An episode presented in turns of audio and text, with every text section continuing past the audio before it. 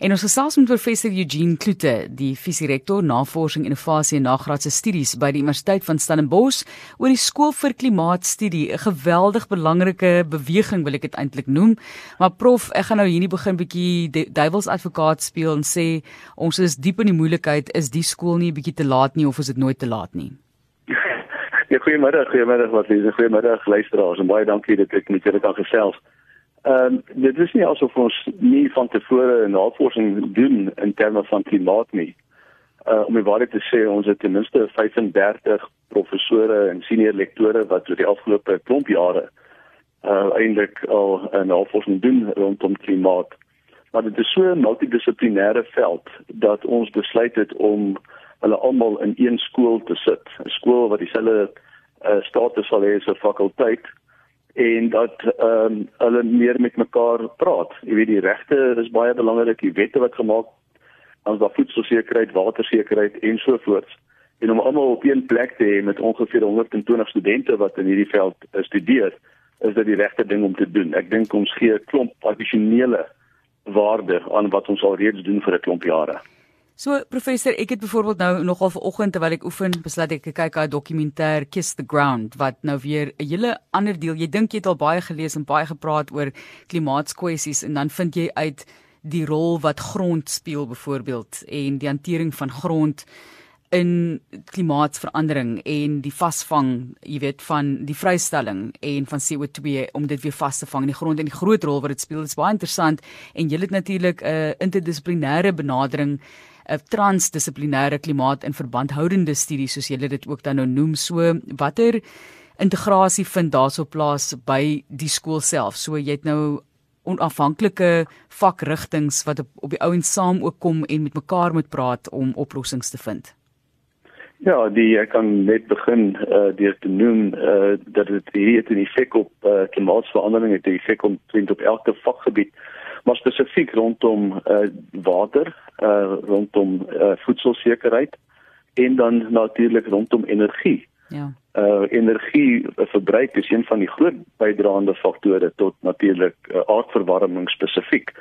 So ons kyk na skoon tegnologie daar, met 'n steenkool kan gebruik, maar dit nie gasse in die atmosfeer instoot wat uh die sogenaamde groenhuisgasse nie, koolsuurgas en swaweldioksied en so voort dat ons uh, kan bly om steenkool te gebruik, maar dat dit eintlik skoon energie word. Dat jy daardie gasse vasvang, jy kan daardie gebruik. Koolstofgas is 'n baie goeie energiebron vir plante natuurlik, vir alge. En as jy dit omskep in algmateriaal, is dit proteïene wat jy weer kan omskakel in as kos vir diere. So dis die tipe van benadering. Boonbehalwe dit natuurlik is dit gaan dit ons het 'n hele sentrum van uitnemendheid wat fokus op uh hernubare energie, wind, windenergie uh natuurlik sonkrag wat 'n baie baie belangrike rol speel uh in terme van 'n energiebron uh die oseaan self so die en, en hierdie speel natuurlik weer in op uh die water en natuurlik voedselsekerheid uiteindelik Professor, as ons gaan kyk na die uitdagings wat op ons kontinent lê. Ehm um, mens wil so vernuwend as moontlik wees, maar jy wil tog ook van die reeds bestaande navorsing inkorporeer met energie en so meer. Maar kan 'n mens 'n Afrika gerigte navorsingsprogram wat dan op bestaande en nuwe kwessies reageer om klimaatsinvloede en aanpassing byvoorbeeld temperatuurreaksies beter te verstaan en dan menslike klimaatsveerkragtigheid as dit ware daarmee ook in ag neem? Ja, nee, absoluut uh, Johan uh in wat ons nou gedoen het en ook in die begin van hierdie jaar reeds en dit kom ook al 'n rukkie het die Afrika uh, Unie se ontwikkelingsagentskap het vir ons genader hier by Stellenbosch Universiteit saam met die WNR om ook 'n senter van uitnemendheid te stig in wetenskap en innovasie. Die hele idee daar is om tegnologie wat reeds bestaan beskikbaar te maak vir al die lande in Afrika. Uh klimaat is 'n baie belangrike uh, uh onderwerp uh vir Afrika en natuurlik dan ook energie. Die belangrike ding om te weet is dat Afrika op sigself nie meer as 3% bydra tot die aardverwarmingsgasse wat op die oomblik geproduseer word nie. En die meeste van daai 3% gebeur natuurlik in Suid-Afrika. Maar hierdie eenheid of hierdie netwerk gee vir ons die geleentheid om nie die foute te maak wat gemaak is met byvoorbeeld fossiele brandstof soos steenkool en olie nie en dat mens direk kan beweeg uh, tot uh, sonkrag en hernubare energie. Maar daardie netwerke vir ons is ontsettend belangrik. Ons het ook hier 'n netwerk van 'n groep universiteite uh in Afrika bymekaar gekom het 18 van hulle en ons het hier 'n sentrum van uitnemendheid ook in terme van hernubare energie vir hulle. So ons ons ons het 'n baie goeie uh, verhouding met die uh ontwikkelingsagentskappe in Afrika. Nou OUDA of die Afrika Unie is op die hoogste vlak en hulle beïnvloed natuurlik beleid en strategie en tegnologie en ons het 'n uh, 'n uh, sentrum van hulle reg op ons kampus hier in Stellenbosch. Ons sal natuurlik deur daai sentrum ook saamwerk met ander universiteite in Suid-Afrika wat kundigheid het en daar's heelwat wat wat kundig is op die gebied van klimaatstudies en die idee is om baie nou met hulle saam te werk. Professor, mens kan nie meer jaloers net jou eie bewaak op jou kampus nie, soos ons nou aflei met die samewerking, maar terselfdertyd ook nie net binne jou eie departementjie, wil ek amper sê nie, vir party mense word dit amper 'n heiligdom en wil nie daar uitbeweeg nie. Soos baie opwindend dat die skool vir klimaatstudie by die Universiteit Stellenbosch dit gaan neem na al die fakulteite toe want um, ek dink aan die begin het jy juis gesê dit raak eintlik alle studierigtinge op een of ander vlak. So hierdie silo's wat bestaan moet iewers bymekaar uitkom en oorbrug word in in dit is maar seker een van talle projekte wat nog kan volg in die verband.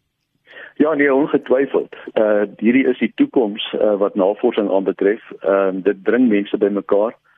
Ehm um, en dit uh, skep nuwe geleenthede. Dit ons sal byvoorbeeld nie net aan die tegnologiese kant moet vooruitgang maak nie, maar ook op die hoe ons die mense gedrag beïnvloed. Ehm um, en uh, as mens kyk na van die grootste effek wat jy het op die verandering van mense gedrag, is dit natuurlik ehm um, religie. So ons selfs ons teologie fakulteit uh, is betrokke by skool vir klimaatstudie. En te sê hoe kry jy die boodskap uit uh, op so 'n manier dat dit kredietwaardig is en dat dit kan lei tot die verandering van mense se gedrag?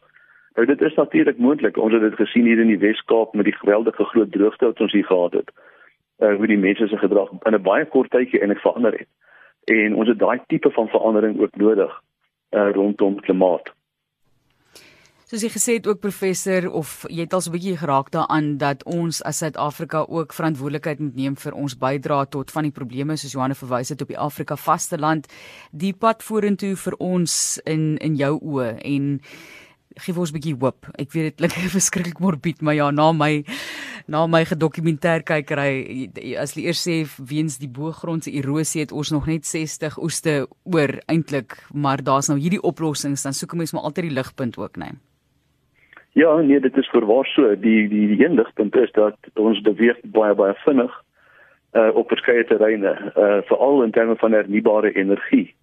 En die groot voordeel daar is dat die koste van die fotovoltaïese selle wat gebruik word daar is besig om letterlik logaritmies af te neem. En dit maak dus hernubare energie uh, baie meer toeganklik. Maar die ander uh, baie belangrike inisiatief van uh, die skool vir klimaat studies is die samewerking wat ons het saam met 'n ander alliansie 'n alliansie van sewe uh, ander universiteite wêreldwyd wat van die beste universiteite insluit in die wêreld, Oxford, Cambridge, MIT en so aan. Uh om groen kampusse te ontwikkel. Dit wil sê dat ons eintlik 'n koolstofneutrale kampus ontwikkel. En ons is baie ver gevorder as Stellenbosch Universiteit uh, op daardie roete. En die idee is dit dat hierdie 8, 9 universiteite dat hulle hulle kampusse uh na 'n kampus neem wat dan koolstofneutraal is en dat ons dit dan skaal. Dit wil sê dat ons dit uitrol na al die universiteite reg oor die wêreld. Want ons kan nie tydlyne hê soos wat die lande het van 2050 om hierdie probleem op te los nie of 2040 nie. Ons moet kyk na 2030 want ons is eintlik al klaar agter met dit wat ons wil bereik. En politiek sê gaan ons nie noodwendig help hier nie. En dis hulle is daar vir korttermyne. Wat hier gaan help is tegnologie. Dit gaan wees die eienaarskap wat elke individu neem en die verantwoordelikheid wat hulle neem om seker te maak dat hulle 'n volhoubare lewe lei, ook in terme van die grond soos wat jy daar noem. Dis ontsettend belangrik uh om boergrond te hê, om gesonde grond te hê uh vir ons om voedselsekerheid dan te te bewerkstellig.